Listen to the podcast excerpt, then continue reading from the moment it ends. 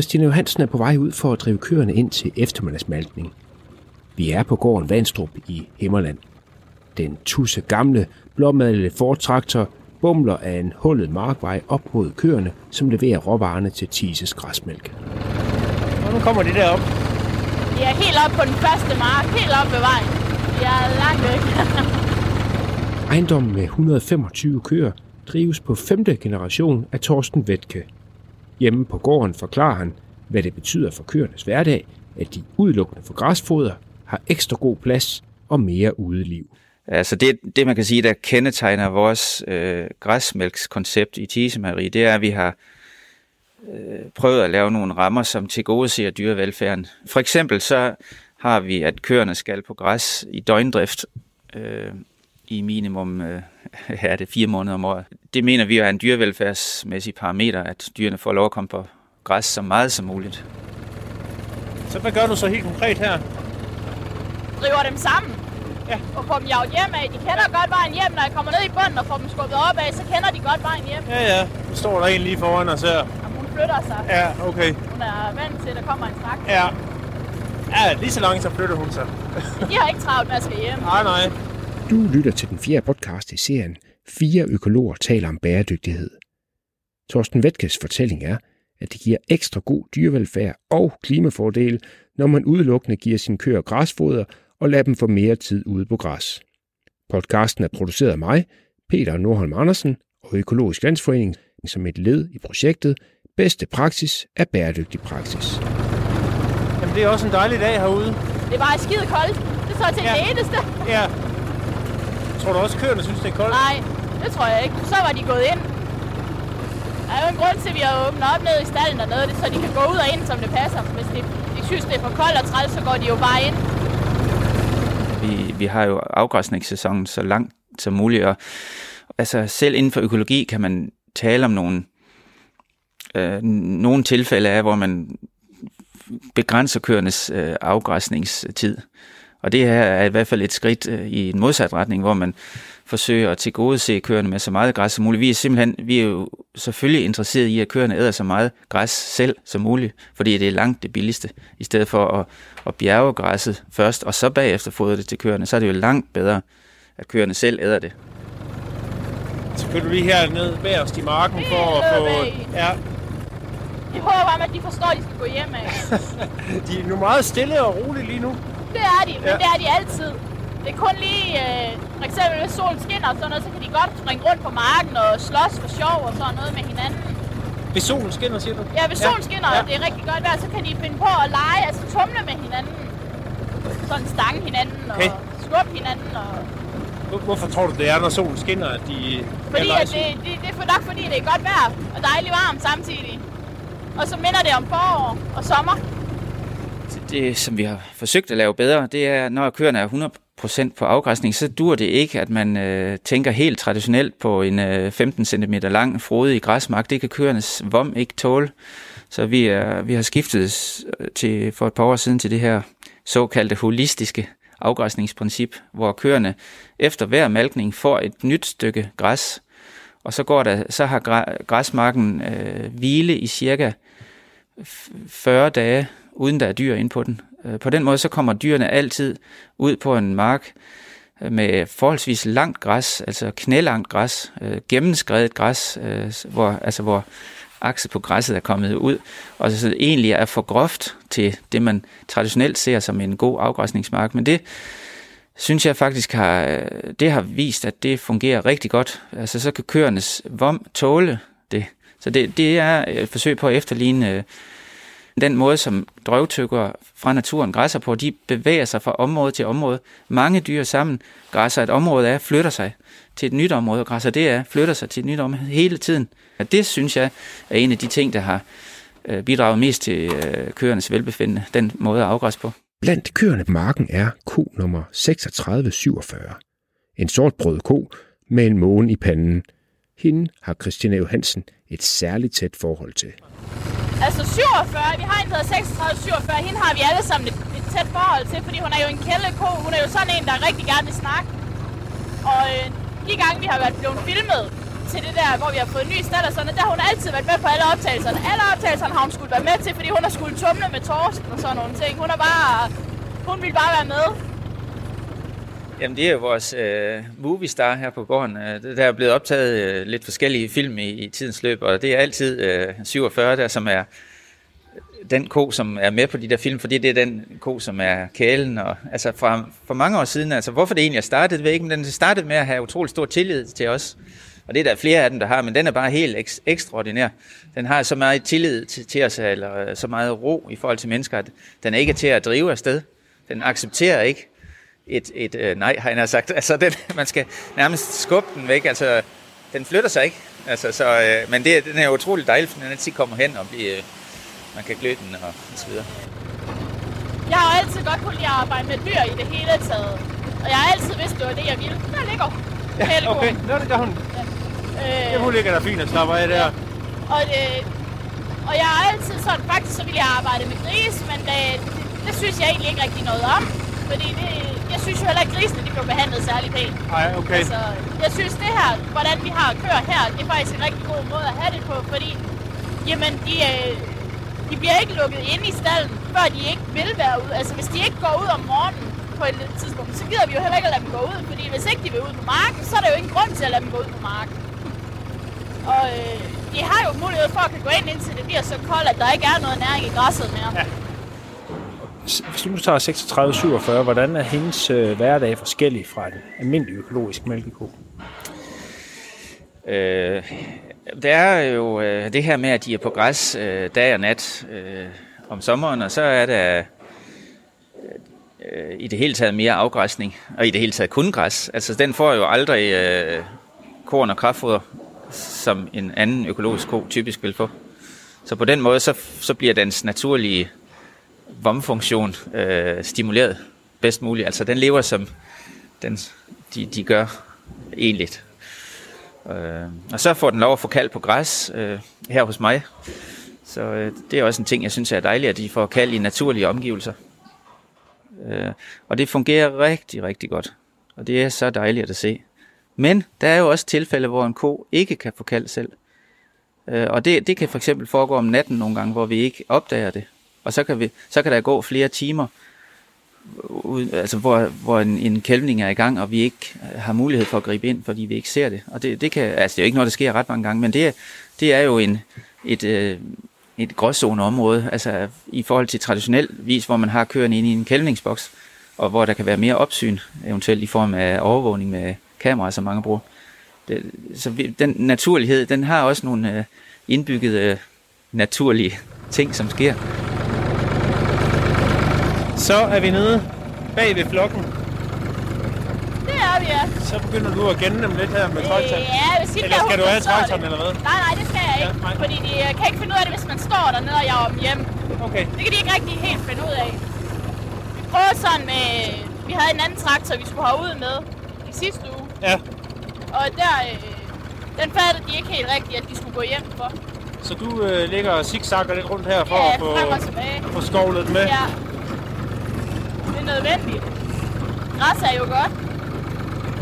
Og det er sådan lidt, man tænker også lidt, jamen det er en ko, hun skulle egentlig gerne ville hjem og malkes, men det gider de egentlig ikke rigtigt. Det er ikke noget, der haster. Altså, hvad giver det dig som landmand, at den kælder på græs? Jamen, øh, det, det, giver, det giver en naturlighed, øh, som jeg godt kan lide at se, at, at koen har mulighed for. Typisk så vil- der ske det, de går typisk i et sådan et kælvningshold på en, øh, en mark, der måske er, øh, ja, den kan være, den, de er typisk der er 500 meter lange, markerne, og så går de øh, 30, 40, 50 køer sammen på sådan en mark, og så typisk så ser man, at dem, der skal have kald, så lige før kælvning, så trækker de sig øh, ned i den anden ende af marken, eller ud til siden, eller sådan. De går for sig selv, og de har mulighed for, øh, hvis arealet er stort nok, så har de mulighed for at have den privat sfære, eller hvad skal man sige, som man kan se, de foretrækker. De går altid hen for sig selv og får kald, og så, og så har de den ro i de der fire døgn til at øh, få et ordentligt forhold til kalden, og for, for at kalden får råmælk selv. Øh, jeg synes, det er også vigtigt, at, at kalden selv øh, får råmælk. Øh, dilemmaet opstår jo så der med adskillelsen mellem ko og kald, og det, det har vi jo faktisk et andet produkt i Tise, hvor kalden får lov at gå længere tid, øh, det der hedder ad libitum. Men øh, og jeg har faktisk kørt med det system i tre år, men det er jeg gået væk fra igen, fordi øh, og det er netop den der kontakt mellem mennesker. Jeg kan rigtig godt lide, at vi får opbygget en, en relation mellem mennesker og dyr. Og det er for eksempel 36-47. Ja, lige præcis som 36-47. Ja. Den, og det, det synes jeg, øh, da jeg havde det andet system, synes jeg var sværere, fordi der bliver der får de jo kalvene endnu mere naturligt præg, og det er jo det der flugtpræg. Går de lige så fint i række her? Ja. Langs med fægangen her, og så hen mod mælkestallen.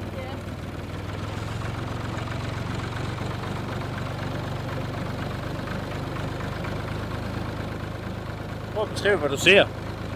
Hvad? Prøv at beskrive, hvad du ser. Det kan lytterne jo ikke se. Åh, oh, er det rigtigt? Jamen det jeg ser, det er jo, at køerne de er på vej hjem og skal malkes jo.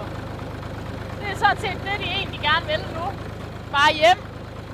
Men de er nok mere interesseret i entilagen, der ligger hjemme på staldgangen. Det vil de nok hellere have.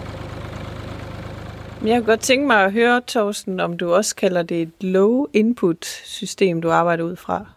Ved siden af Thorsten Vetka står Julie Henriksen. Hun arbejder med klima og kvæg hos Økologisk Landsforening.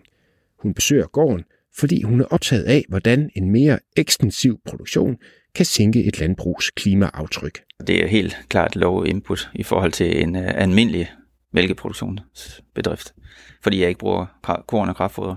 Jeg skal måske lige forklare til de lytter, der ikke ved, hvad low input er. Hvad, hvad vil du? Ja, men altså det, det hele tankegangen er, at øh, hvad skal man sige, det man putter ind i konen er, er et lavere niveau. Men det vil jeg så gætte på også betyder, at man får et lavere output. Så hvad ligger din ydelsesniveau på? Ja, ydelsesniveauet er meget, meget lavere end i en, øh, eller, eller, altså en normal økologisk bedrift. Måske 60 procent af en uh, normal, moderne ydelse. Der vil jo være nogen, der siger, jamen så skal du virkelig bruge meget plads til din produktion. For mig at se, så drejer hele det her område med klima og fødevareproduktion, der drejer det sig om at have så effektiv en ressourceudnyttelse som muligt. Og der er der mange, efter min mening, der er gået galt i byen, fordi man ser på outputtet per, altså hvor meget kan man få ud af en gris, hvor meget kan man få ud af en ko. Men jeg mener mere, at man skal se på outputtet fra jorden. Hvor mange mennesker kan man brødføde fra det samme areal? Og der er det øh, uomtvisteligt, at ved at lade dyr spise mad, som vi kunne have spist, og så spiser vi enten dyret eller produkterne, dyret giver, så vil vi få et ressourcetab, fordi øh, der er et tab af energi ved at putte det igennem et dyr. Øh, og det er jo det, som øh, for eksempel så har vi eksemplificeret det her på gården ved at sige, at hvis jeg har den optimale, altså de antal maksimale antal køer, jeg kan, jeg kan, øh, jeg kan føde her fra gården, cirka måske øh, de her 350 køer eller sådan noget, så, eller 300 køer, så kan jeg brødføde deres produkter, kød og mælk, og hvad det ellers bliver til af ost og så videre, så, så vil jeg kunne brødføde ud fra en energimæssig betragtning, ud fra en kaloriebetragtning, så kan jeg brødføde cirka 1000 mennesker. Og hvis jeg derimod øh, reducerer koantallet til de her omkring 120, som jeg har nu, 125, og så har en planteproduktion på de arealer, hvor jeg før, altså i det andet tænkte eksempel, producerede fødevarer til, dyr, til køerne for, så kan jeg brødføde cirka 3000 mennesker. Altså kan jeg ved at have færre dyr med en, med en lavere ydelse, så kan jeg brødføde tre gange så mange mennesker. Det princip, hvor køerne kun får græs og ikke menneskeføde, kaldes feed no food. Altså man kan brødføde kun en tredjedel antal mennesker ved mælkeproduktion, og, og ved svineproduktion er det faktisk kun en tiende del. Fordi det bruges enormt meget korn. Altså 7 8 del af alt det korn, vi bruger i Danmark, bruges jo til svinefoder. Og vi kunne jo brødføde mange, mange flere mennesker, hvis vi spiste mere vegetabilsk. Det går nu bare videre. Jamen, det er jo vores kæleko. Det er nemlig en kæleko. Kom nu. Og sagde den 47. Så godt fat der. Ja, men ja. det er simpelthen... Øh, jeg er nødt til at skubbe lidt til Hun er sådan lidt doven måske? Hun er meget doven, og bare man gider at snakke med hende, så er det egentlig bare det bedste, hun ved. Okay. Christine Johansen er nået frem til mælkestallen. Eller det vil sige næsten. 36-47 og et par andre køer kan slet ikke løsrive sig fra græsinsilagen ved stalddøren. Du går og krasser hende lidt der. Hun plejer heller ikke at være så langsom. hun plejer faktisk at være en af de første, der er inde og spise. Kom! Det var det ikke også en, en massiv omlægning af vores kostvaner i forhold til forbrug af mælk og kød? Jo, øh, det gør det. Jo, vi skal, øh, vi skal, hvis vi spiser kød, så skal vi selvfølgelig spise oksekød. Ikke svin og fjerkræ, for de spiser jo det føde, vi skulle have spist. Vi skal spise oksekød, hvor, hvor kødet øh, er, er frembragt ved, at dyrene har levet af græs. Helst på enge, kan man sige. Fordi det der med engene, der er det jo endnu mere udtalt. Vi, engene kan vi simpelthen ikke bruge til andet end til kreaturer. Så, så hvis vi siger, at der ikke må være kreaturer, så kan vi ikke have en fødevareproduktion på de enge. Og det kan man jo så selvfølgelig også vælge. Men altså, det giver rigtig, rigtig god mening øh, at øh, have en fødevareproduktion fra engene i form af, af oksekød og mælk. Og, og som man sagde i gamle dage, engene er agerens moder. Altså de, de næringsstoffer, som, øh, som vi kan flytte nærmest fra øh, engearealerne op på markarealerne til at gøde en planteproduktion, er jo et ideelt system efter min mening. Julia, det er også nogle tanker, I, øh, I deler i, i landbrugsafdelingen af Økologisk Landsforening. Ja, øh, det gør vi helt sikkert, og øh, det er jo et kæmpe spørgsmål, når man snakker om at ændre forbrugernes kostvaner. Selvom man ser tendenser i dag, så er det jo ikke gennemsnitlige ændringer.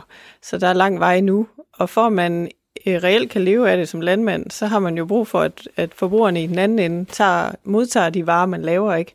Så det hænger jo sammen, at det rykker i, i begge ender, og det er jo al, altid lidt modigt af de landmænd, der faktisk går forrest. Skal jeg jage de andre fremad først? Jeg kan godt se, hun vil da godt kæles. Hun må også godt spise ledningen her. Meget gerne. En dejlig uh, ro pels, den har, hva'? Jeg er møg beskidt, Ja, det når må de jeg også kommer ud fra. Kan det betale sig, dit system her? Sådan ren i kroner og øre. Nej, det tror jeg ikke. Det er et ideologisk landbrug. Hvad siger Altså- du så ned i banken, at, at uh, ideologisk landbrug, så derfor så uh, accepterer du et underskud, eller hvordan? Nej, altså det er jo heller ikke sådan, det nødvendigvis giver underskud, men øh, det kunne være, at man kunne have tjent flere penge på en anden vis. Og, det er jo, det er jo den, det, det dilemma, eller hvad skal man sige, den virkelighed, der er, det er jo, at et svin betaler jo mere for korn, end et fattigt menneske gør her i verden.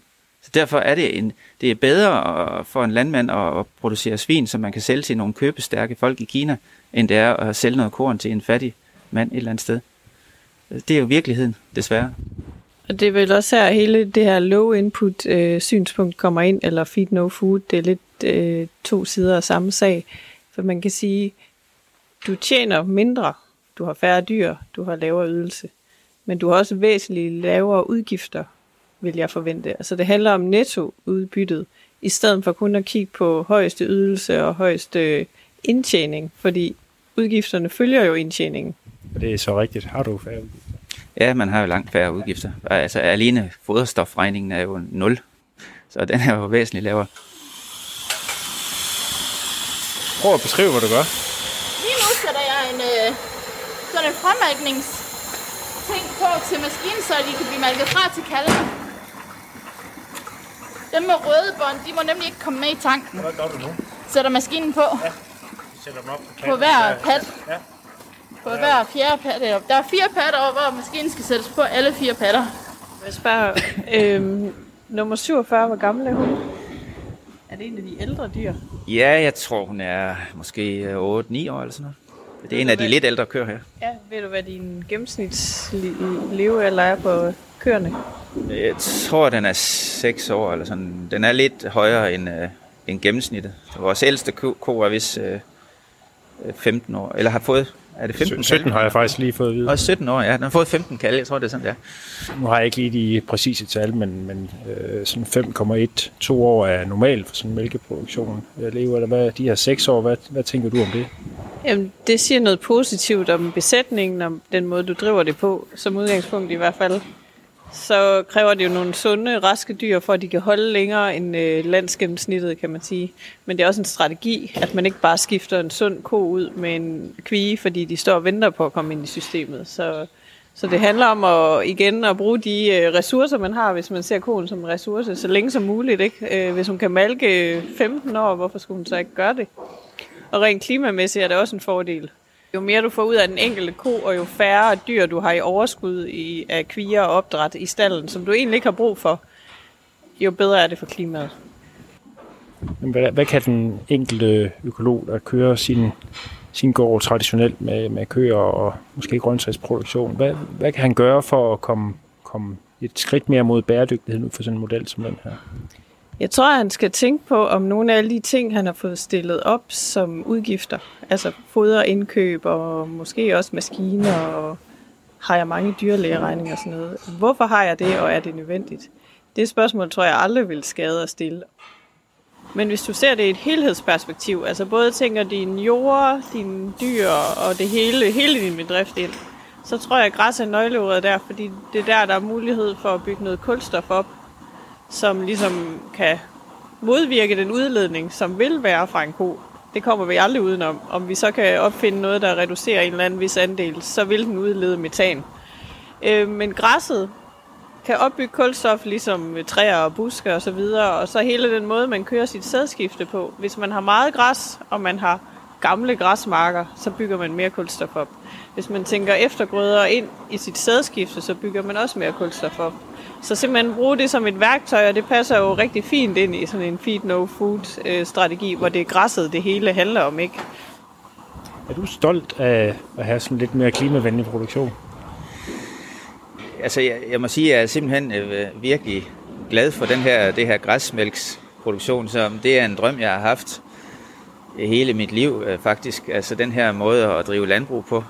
Og jeg var allerede inden græsmælkskonceptet kom igennem, der var jeg allerede på vej i den retning med sådan en form for ekstensiv landbrug, for jeg har hele tiden haft de tanker øh, siden af øh, min tid på Landbrug Højskolen. Så øh, at have været, øh, altså have været med til at, at få det her koncept lavet og, og producere under den her form, det, det synes jeg er så fantastisk.